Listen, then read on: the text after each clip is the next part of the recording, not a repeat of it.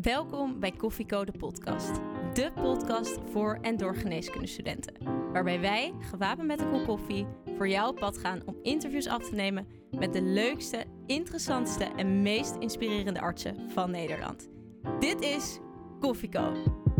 Hey Ko, ja wat doe je daar? Er staat een carrière voor je klaar. Maar je weet nog niet wat en waar. Een cappuccino maakt het minder zwaar. Dus zet je volumeknop omhoog. Want je luistert Koffie Co en je weet het zo. Papa, papa, para, para. Leuk dat jij weer luistert naar Koffiecode podcast. Wij zijn Olivier. en Mare. En vandaag zijn wij half Nederland afgereisd en geëindigd in het hoge noorden. Niet zomaar, want we spreken vandaag met dokter Sonja Scholten, brandwondenarts in het Martini ziekenhuis te Groningen. Dokter Scholten, van harte welkom in de podcast. Wij zitten momenteel in uw familiekamer in het Martini ziekenhuis in Groningen. Wat betekent deze kamer voor u?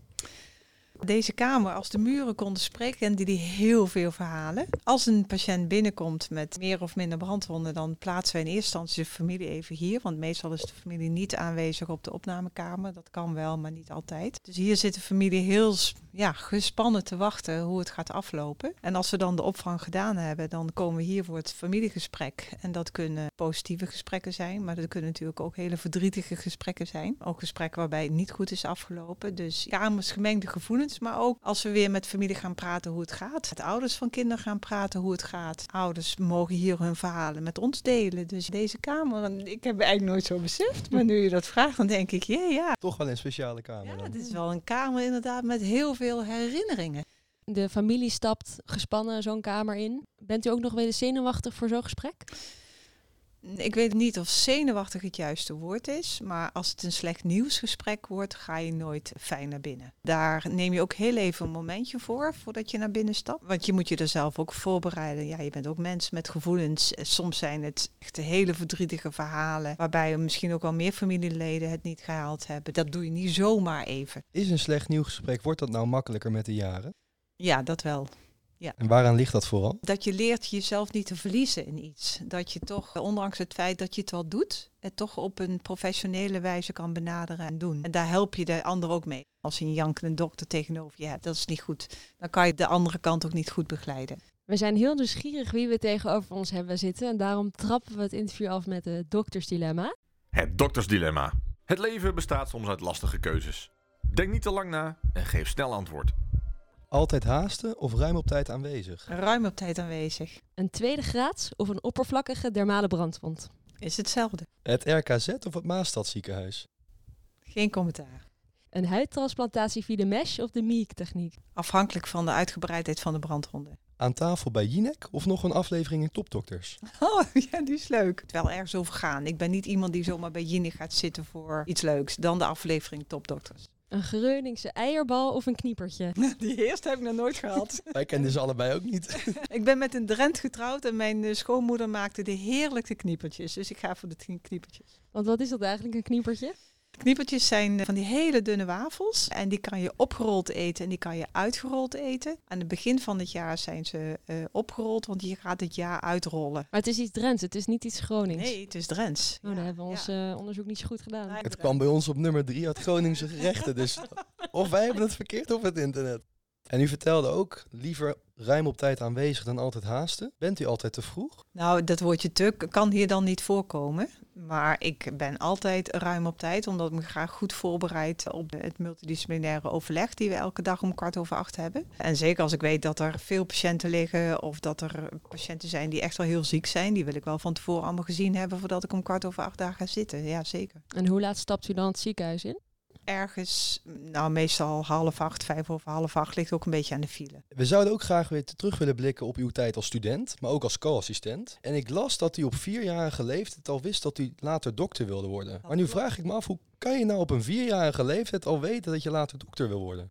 Ja, zeker omdat je toen nog niet tv en zo had, hè? Nee, nee, dat is, dat is ook zo. Ja, toch wist ik het. Hoe wist ik het? Ik weet het niet. Ik, ik heb al heel jong, vroeg ik een dokterskoffertje. En ik woonde in een dorp vlakbij een kerk die ooit afgebrand was. En daar ging ik altijd al de skelet uitgraven die daar allemaal lagen en zo. Wat officieel ook niet mocht. Ik vroeg al op jonge leeftijd überhaupt een skelet. Nou, het heeft gewoon altijd geboeid. Het is uh, instinctief, denk ik. Want u heeft hiervoor als SCH-arts gewerkt op de spoedeisende hulp. En nu werkt als brandwondenarts. Was u altijd op zoek naar die adrenaline of die spanning? Hoe zit dat? Ja, dat is ook weer een grappige vraag die je tot nadenken stemt. Ben ik inderdaad iemand die houdt van adrenaline? Ik denk dat als ik kijk naar mijn persoonlijkheid, dan ben ik iemand die heel snel beslissingen kan nemen. En dat, ik heb dus ook altijd gezocht in sporten, wat inderdaad adrenaline gaat. Hè. Mij moet je niet op een racefiets zetten of uh, laten hardlopen. Dat vind ik zo saai. Dus ik hou heel erg van het spelelement. En dat is dus ook wel wat de spoedeisende hulp en het vak wat ik nu ook doe. Het vraagt heel snel het snelle schakelen. En dat is wel iets wat bij mij past. En het woordje het kan niet, dat komt bijna niet voor. Ik ben iemand die heel graag dingen doorzoekt. Dus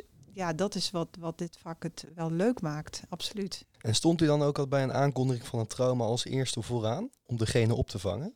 In welke fase? Co-assistentenfase of misschien het eerste artsassistentenfase? Nee, ik heb wel de, de juiste mate van bescheidenheid om te weten dat dat niet mijn plek was. Uh, nee, absoluut niet. leer je met de jaren, denk ja, ik. Absoluut, ja. Eerst het verdienen, hè.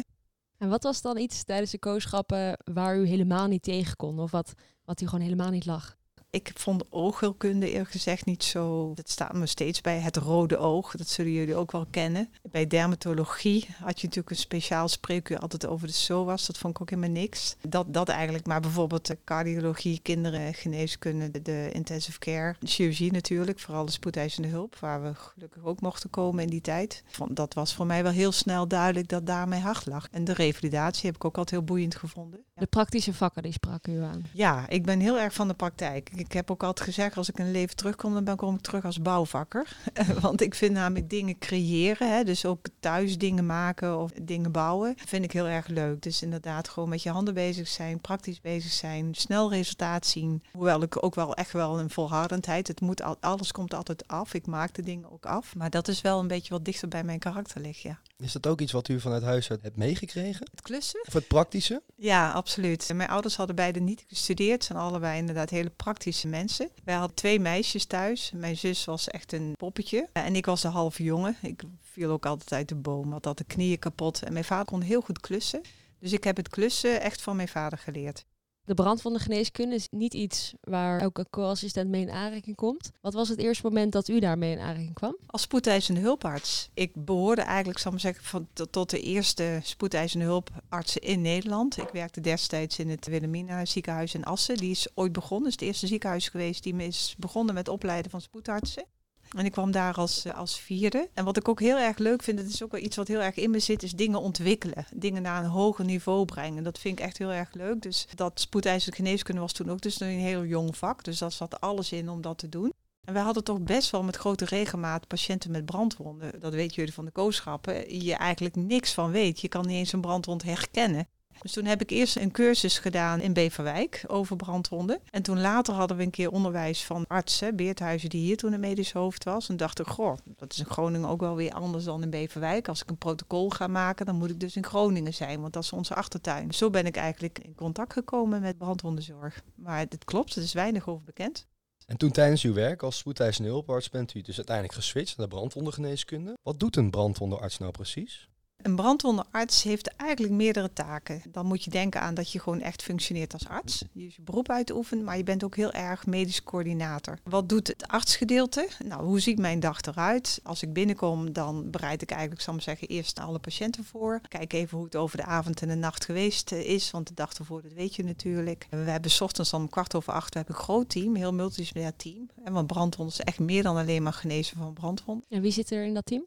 Een chirurg, een plastisch chirurg, de brandwondenarts, psycholoog, psychiater, kinderpedagoog, diëtist, fysiotherapie, ergotherapie, microbioloog, de intensivist en de verpleegkundige, een verpleegkundige specialist niet vergeten. Wil niet zeggen dat elke dag, maar op, op woensdag hebben we echt met alle teams, met alle disciplines. En de andere dagen is het gewoon in een gereduceerde vorm. Dus elke dag worden alle patiënten besproken. Ehm, twee dagen in de week, op dinsdag en donderdag hebben we van 10 tot 12 operatie. Dus dat is ook altijd een belangrijk deel geweest. Elke middag is er poli. En 24 uur per dag zijn er acute opnames. Veel oudergesprekken, familiegesprekken, veel nazorg. Het is heel gevarieerd. En een leeftijdsgroep van 0 tot 99 wat je behandelt. En je volgt mensen jaren. Hè. Kinderen volgen vaak tot ze uitgegroeid zijn. Dus ik werk hier nu 17 jaar. Dus ik heb kinderen van twee, zie ik nu volwassen worden. Dat is zo leuk.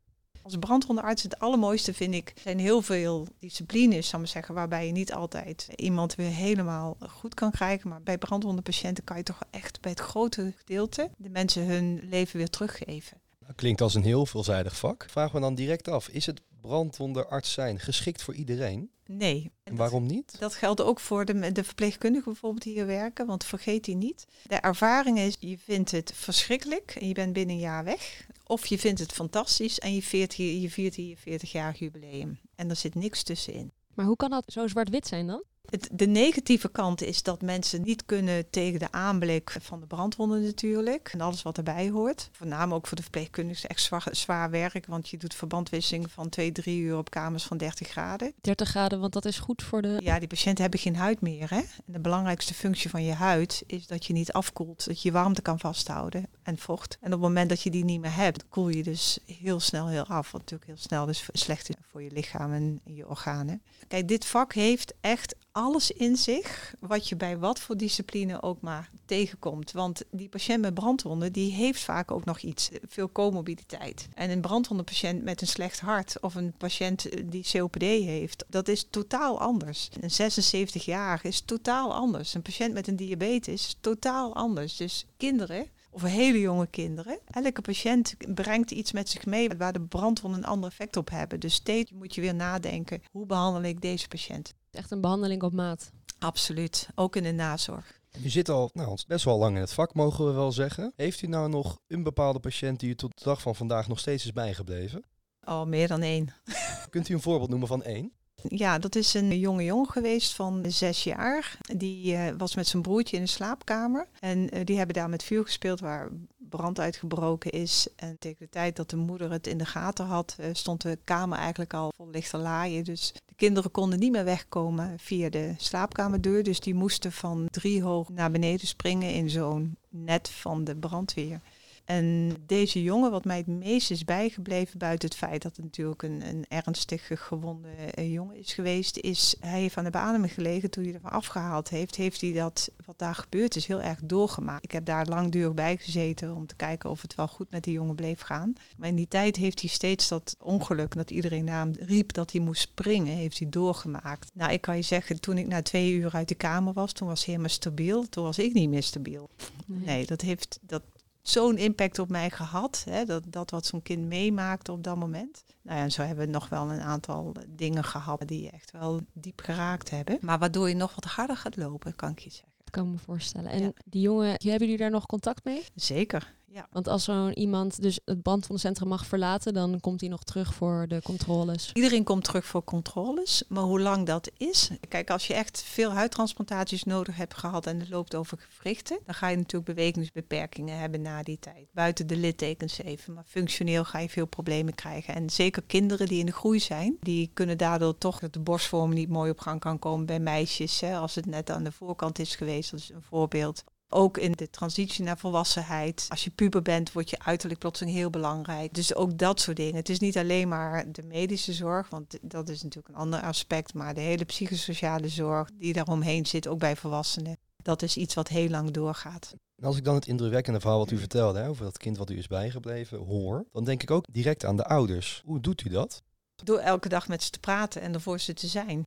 Ja, die ouders blijven natuurlijk uh, heel lang heel bezorgd. Hè, want natuurlijk zo'n kind is heel lang in, in levensgevaar eigenlijk. Sowieso heb je daar heel veel gesprekken over. Maar altijd de ander wel laten beseffen dat ze in kritieke fase zitten. Maar wel altijd met een lichtpunt aan de horizon.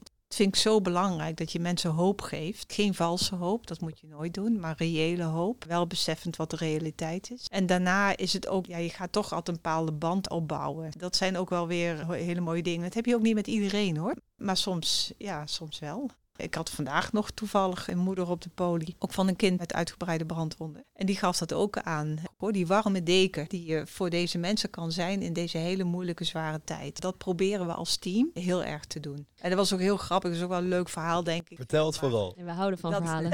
ik moest op een gegeven moment ergens onderwijs geven. En er was een patiënt met me meegekomen. En daarna mochten de cursisten nog vragen stellen. Dat waren verpleegkundigen spoedeisende hulp. En die vroeg toen aan dat meisje: wat is nou de herinnering die het meest voorop staat? En toen antwoordde ze: dat vond ik zo geweldig. Wat het meest voorop staat, is dat de verpleegkundigen, dat ze dan de haren gingen invlechten. Een glaasje kolen met wat lekkers. En dat ze samen met de verpleegkundigen naar de voice ging kijken. Het is helemaal niet over de brand van dingen erbij. Nou, dat is wat je probeert te doen op deze afdeling waar mensen langdurig zijn opgenomen. Dat ze toch een stukje ook van hun normale leven daar weer terugvoelen. Absoluut, dat proberen we vannacht dag één eigenlijk zeker te doen. En dat er ook ouders van mensen zeggen, oh, wij hebben eigenlijk ook al heel veel gelachen. Natuurlijk, ik bedoel, de lach en de traan gaat hier heel dicht bij elkaar. Maar je kan niet twee, drie maanden in een mineur zitten. Dat moet niet. Zeker niet op het moment dat het steeds beter gaat. Dan is ook humor erbij zo ontzettend belangrijk. Je wordt ook heel veel gelachen. Hoe vaak ik niet bij een kind komt en dan heeft de kinderpedagoog heeft een installatie gemaakt van infuuspalen. En dan loopt hij zo naar boven dat ik het niet zie. En dan heeft hij zo'n hele grote spuit. En die is dan helemaal gevuld. Op het moment dat ik de deur in kom, mag het kind het leeg spuiten. Dat soort gekkigheid wordt gewoon ook uitgehaald. Dat is zo leuk natuurlijk. Dat dat ook is. Ondanks die situatie die kinderen toch Ja. even kind laten zijn. Absoluut. U had het ook over opereren, dat u dat ook regelmatig doet. Wat is dan het verschil tussen een brandwondenarts en een brandwondenchirurg?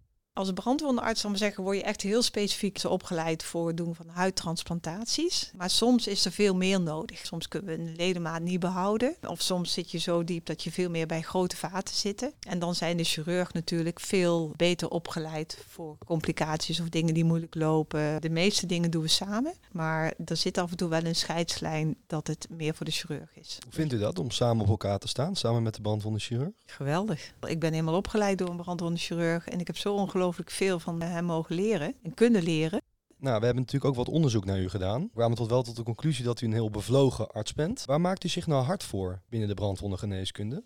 Ik maak me voor twee dingen heel hard. Kijk, natuurlijk vind ik het heel belangrijk dat je gewoon een goede dokter bent en dat die patiënt goede zorg krijgt. Maar als je nou kijkt, wat ik echt belangrijk vind, is dat, waar ik zelfs dan maar zeggen, een jaar of tien geleden mee begonnen ben, is dat, dat wij deze patiënten weer genezen van hun brandwonden. Dat kunnen we. We zijn natuurlijk op het gebied van de intensieve zorg zo goed geworden in Nederland, dat we heel veel mensen natuurlijk door de meest cruciale dingen heen kunnen trekken. Maar dan gaat de patiënt door de blauwe deuren, gaan ze ons ziekenhuis verlaten en dan? Dan moeten ze niet in een gat vallen. Het doel van de hele zorg moet niet alleen zijn dat je de patiënt weer beter maakt. Want als hij na een geen kwaliteit van leven heeft of zijn oude leven niet meer kan oppakken, dan sla je denk ik de plank mis. En dat oppakken, een arbeid of studie of wat er van je leven, vraagt soms heel erg veel. En dan moet je vanaf de eerste dag mee beginnen. Als je een oudje een operatie aan doet en je laat hem 14 dagen in bed liggen, ja, dan is de vraag of je nog ooit thuis komt. Terwijl als je hem dag 1 hem in de stoel gaat zetten en hem gaat betrekken en weer regie gaat geven en gaat denken wat is er voor nodig dat hij als hij naar huis gaat ook echt naar huis kan. Ja, dan moet de hele zorg veel anders op ingericht zijn. Eh, Dat vind ik gewoon heel erg belangrijk. Dat is iets waar we hier heel bewust mee bezig zijn op deze afdeling.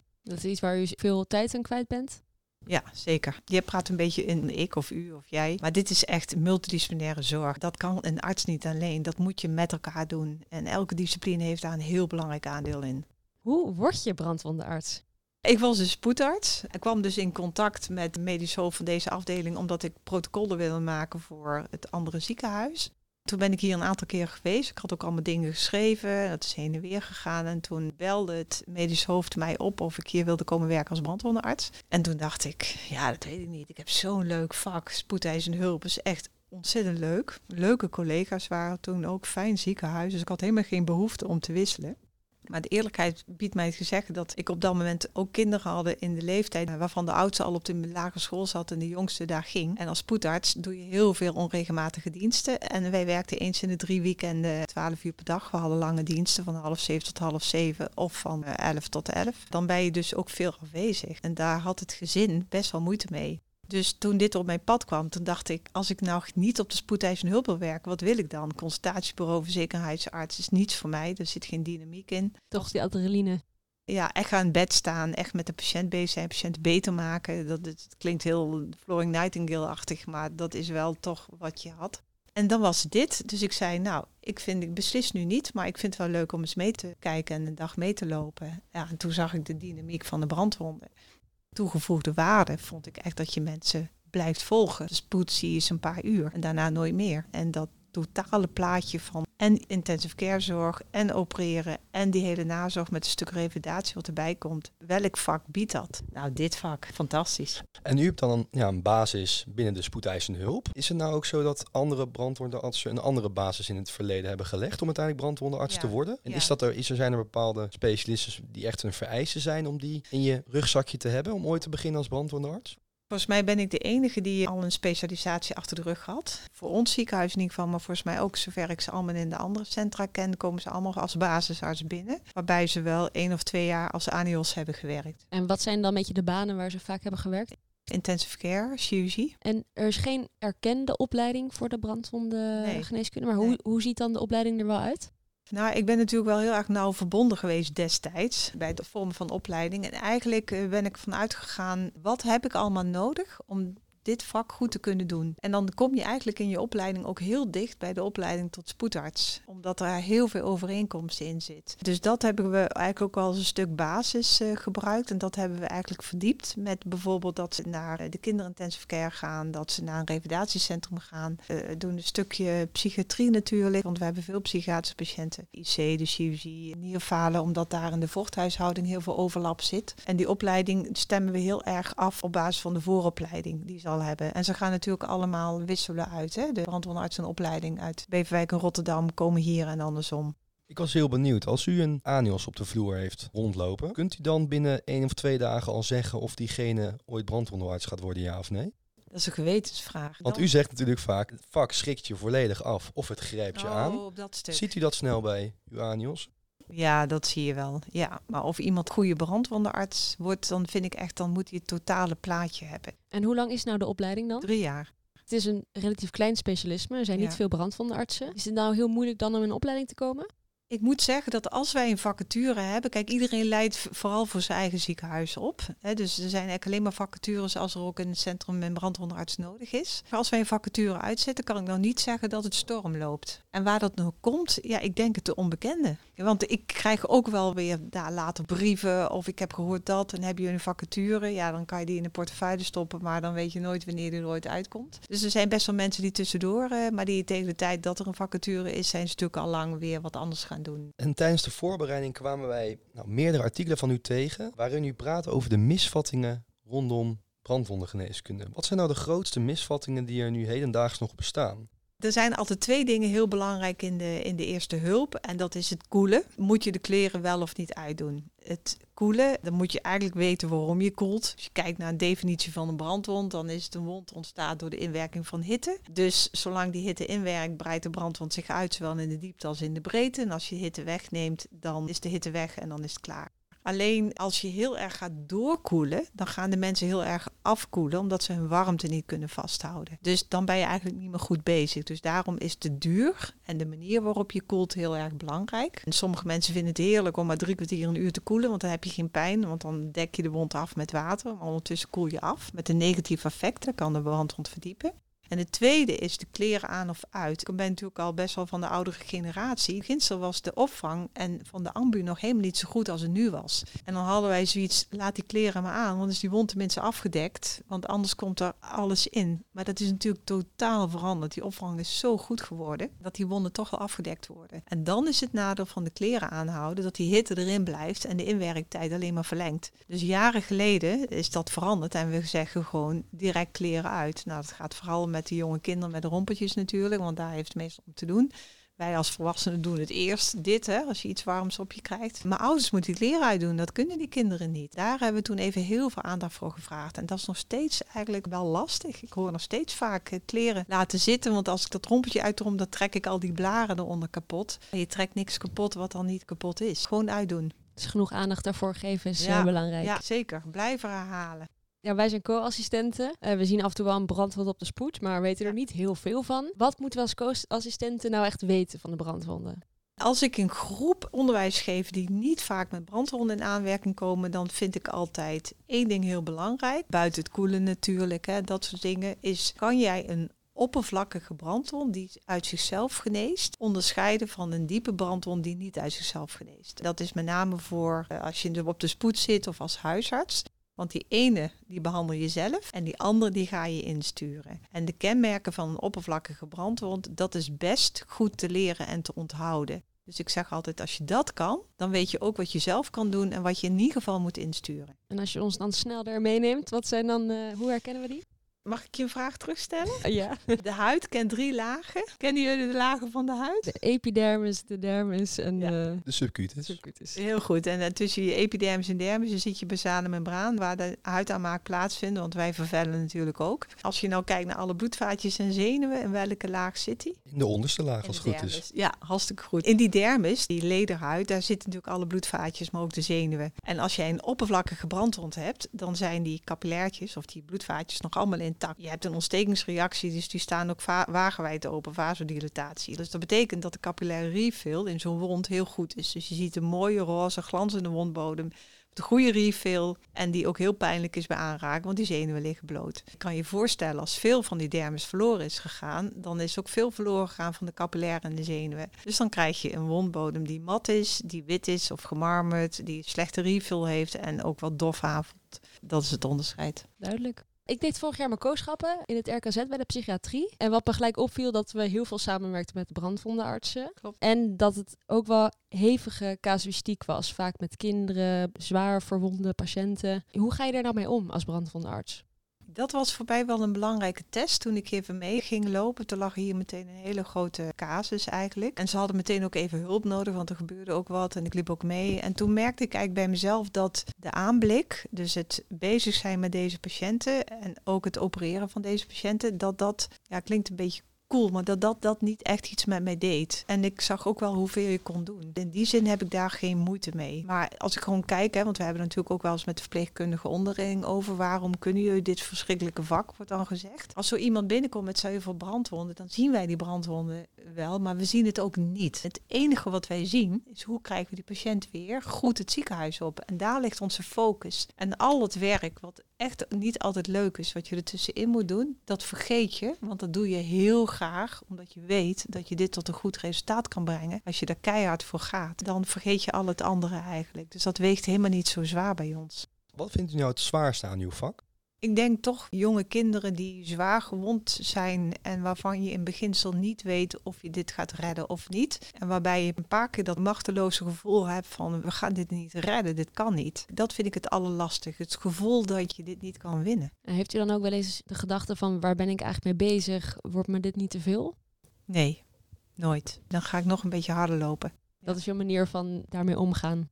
Ja, en met name het als een team doen zorgen dat iedereen, elke artsdiscipline, verpleegkundige, iedereen heeft zijn, zijn sterke punten in kennis, maar ook in kunde. En als je dat bundelt, dat is gewoon 1 en 1 is 5. En als je dat met elkaar bundelt en je hebt dan het gevoel dat je echt alles gedaan hebt, dan kan je het ook accepteren dat het soms niet lukt. Niet alles is met het leven verenigbaar. Ik kan me best wel voorstellen dat zeker als u wel zorgen maakt of het kind het gaat redden, ja of nee, dat het heel veel emoties met zich meebrengt. Is er dan wel eens ruimte om verdriet te tonen, dus om traan te laten zien aan de patiënt? Nooit aan de patiënt. Echt nooit. En waarom niet? Omdat ik dat niet professioneel vind. Die zien toch wel aan je dat je bewogen bent. Daar hoef je niet voor te huilen, zal ik maar zeggen. En ik vind dat jij bent er voor die patiënt of voor de familie en niet andersom. Wij hebben een, team die allemaal dezelfde ervaringen heeft. En iedereen kent zijn zwakke momenten. En daar vangen wij elkaar heel goed in op. Dus je hebt altijd een luisterend oor bij je collega's. En bijvoorbeeld de verplegingen die nog dichter bij de patiënt staan, omdat hij daar uren natuurlijk bij zit, die hebben ook elke dag een dagafsluiting. Maar er zijn ook echt gewoon heel veel lieve collega's die ook aan, aan mij vragen, gaat het nog? Of trek je dit nog een beetje? Of hoe is het met je? En dat doen we allemaal naar elkaar. Zo'n brandwondenteam voelt ook wel eens, een collega van mij zei het wat, voelt een beetje als familie. Ja, dat is denk ik ook wel zo. Nou, vandaag is niet de eerste keer dat u in de media verschijnt. U bent namelijk langere tijd op televisie geweest, namelijk bij de serie Topdokters. Hoe was het om deze serie terug te kijken? Spannend. Heel spannend. We hebben onze eigen aflevering natuurlijk uh, toen gezien. Hè? Ik was bloedzenuwachtig. het is zo eng om jezelf te zien en te horen. En je bent zo bang dat je belachelijk bent of dat je iets doms doet. En als ik het heel eerlijk moet zeggen, ik was na het zien van de eerste aflevering best wel emotioneel. Dat het wel wat met je deed. En dat ik eigenlijk ook best wel een beetje trots was. Hoewel ik heel veel bedenken gehad voordat ik hieraan ging beginnen. En wat ik het allerleukste vond, ik praat heel weinig over mijn werk naar familie en vrienden. Ze hebben toen een inkijkje gekeken in je werk. En voor het eerst wisten ze pas wat je deden. En dat, daar hadden zij wel heel erg zoiets van, wow. Dat vond ik wel heel leuk dat ja, mensen die je naast staan ook wat meer van je weten wat je nu elke dag gaat doen. Ook je kinderen. Wat is iets wat zij dan hebben geleerd wat jij in je werk doet? Nou, zij hadden wel heel erg ze- gezegd zoiets van, wow, mam, ik wist niet dat je dit deed. Ik ben wel heel trots op je. En hoe, hoe reageerde de rest van de afdeling op het terugkijken van de, van de eerste aflevering? Ik denk dat iedereen wel trots, maar ik vond het ook bijzonder integer neergezet. Dat vond ik wel heel knap gedaan. Ook heel goed gewoon de mens achter de dokter Ja. gevonden. En waarom kozen ze u als topdokter? Ja, zeg het maar. ik kan niet weten. Maar u kreeg er geen mail van, we willen u interviewen. Hoe Nee, volgens mij is dat via de Brandwonde Stichting gegaan. En toen zijn zij hier geweest en is een gesprek geweest met ook het medisch hoofd en een paar mensen hier. Die zeiden meteen, ja, dat moet jij doen. En toen zei ik, ja, hallo, ik ben toch geen topdokter. eh, daar- daar ben ik helemaal niet geschikt voor. En toen zei ik ook tegen die regisseur van, nou, weet je, ik weet helemaal niet of je dat nou moet kiezen, want ik ben helemaal niet topdokter. Maar weet je, je mag zelf oordelen. Kom gewoon een dag met mij meelopen. En dan moet je zelf maar kijken of je het iets vindt of niet. Toen zeiden, oh, dat is goed dan. Maar dan stuur ik eh, de cameraman, want die moet eigenlijk straks het meest gaan doen. En die heeft een dag met mij meegelopen. Toen eigenlijk wel zwaar onder de indruk. En die zei, ja, dit is gewoon wat we heel graag zouden willen hebben. Ik zei, nou, dan gaan we doen. En hoe reageerden de patiënten daar eigenlijk op? Alle patiënten zijn van tevoren benaderd. Niemand is eh, overvallen. Alles werd heel. Ik heb alle patiënten ook ruim van tevoren altijd zelf gevraagd, zelf ingelicht. Ze hebben het ook eh, kunnen zien. Dus wat dat betreft was er heel erg samenwerking. Ik vroeg me af, is het nou als topdokter nog mogelijk om van de co-assistent te leren? Ja, elke dag. Kijk, je gaat op een gegeven moment, eh, als je heel lang in het vak bent, dan probeer je wel steeds bij te scholen en je houdt artikelen bij, et cetera. Maar toch ga je op een gegeven moment een tunnelvisie ontwikkelen. Ook op protocollen van totaal andere dingen waar je eigenlijk niet meer zo mee in aanraking komt. Maar toevallig heb je een keer een patiënt met die comorbiditeit. En dan weet zo'n comité, ja, maar dat doen we eigenlijk al niet meer in het ziekenhuis. Dat is veranderd. Dan zei oh, nou goed dat je het zegt. Dan ga ik even op Senia kijken, zo'n kwaliteitsportaal. Nou, goed, je hebt gelijk. En er zijn dus ook co-assistenten bij jullie. Ja, wel in de laatste fase. Een dagje meelopen leer je niks van. Sommige mensen die vinden dat heel raar. In het verleden dat het wel nog wel af en toe was. Mensen, patiënten tegen mij zeiden van goh, ik vind het eigenlijk zo vervelend, want die liggen daar op een kwetsbare, allemaal in een blootje. Brandwonden zitten niet altijd op alle fijne plekken. En dan wordt er elke dag wordt je bekeken in hun ogen. En dat moet je niet willen. Dus wij beschermen ze. Dus zes weken of prima, maar niet een dagje. Zes weken is dan een soort... Misschien binnen de keuzekooschap. Ja. Dan kan je ook je semi-arts Ja, zeker. lopen. Oké. Ja, en ook onderzoekstage. Kijk. Goed om te weten. De co-telefoon. De codetelefoon. Nou, dat is een vraag door ingestuurd door een van onze luisteraars. En deze week is die van Meerte. En zij vraagt zich namelijk af dat 90% van de brandwonden komt eigenlijk voor in de laag- en middeninkomenslanden. Maar 9% van het geld van de brandwondenzorg gaat naar hoge inkomenslanden. Wat vind je hiervan? En hebben wij als Nederland geen verantwoordelijkheid voor de rest van de wereld? Juist omdat het hier zo goed geregeld is? Ja, wat ik daar vind, ja, dat is natuurlijk heel triest, maar het is de werkelijkheid. Waarom komt brandwonden in andere landen zoveel voor? Ja, ik bedoel, ik denk dat je het zelf weet. Kijk naar de elektrische bedrading, kijk naar het koken op een petroleumpitje. Maar je ziet ook hoe de gezondheidszorg daar is. Alleen al de acute zorg is natuurlijk al heel anders. Er wordt veel aandacht aan besteed, kan ik je zeggen, maar vooral in de preventiesfeer. Het heeft helemaal geen zin als je daar even een teampje heen doet die daar een paar dagen komt opereren. Want wat doe je dan daarna met de nazorg? Vooral die nazorg is heel erg belangrijk. Dan krijg je weer wondinfecties en dan ben je alles weer kwijt wat je gewonnen hebt. Dus waar heel erg op gericht wordt is op preventie. Hoe kunnen we zorgen dat ze überhaupt geen brandwonden krijgen? En op scholing. Hoe kunnen we de mensen daar opleiden? Dus als bij ons een team naar bijvoorbeeld naar Tanzania gaat, dan gaat er verpleegkundige mee die nablijven. Die blijven daar nog twee, drie weken tot het eh, klaar is eigenlijk. Kijk, en dan kan je hun ook echt wat leren en wat verder komen. Je hebt een lange werkdag erop zitten, je komt thuis. Wat is het allereerste wat je doet? Een bad.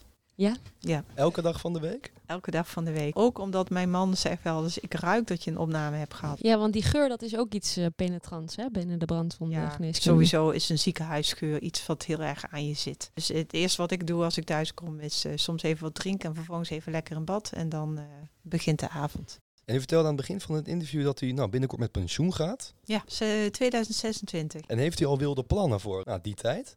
Ja, zeker. Ik ben iemand die toch wel ook op andere gebieden door wil gaan. Bijvoorbeeld dingen, het creëren van dingen. Vind ik dus heel erg leuk, wat ik zeker zal gaan doen. In het klussen? Ja, dat soort dingen. Ik ben twee jaar geleden in de COVID-tijd uh, gaan golven. Daar besteed ik ook, nu de kinderen uit huis zijn, moet ik zeggen, wel wat uren op de golfbaan.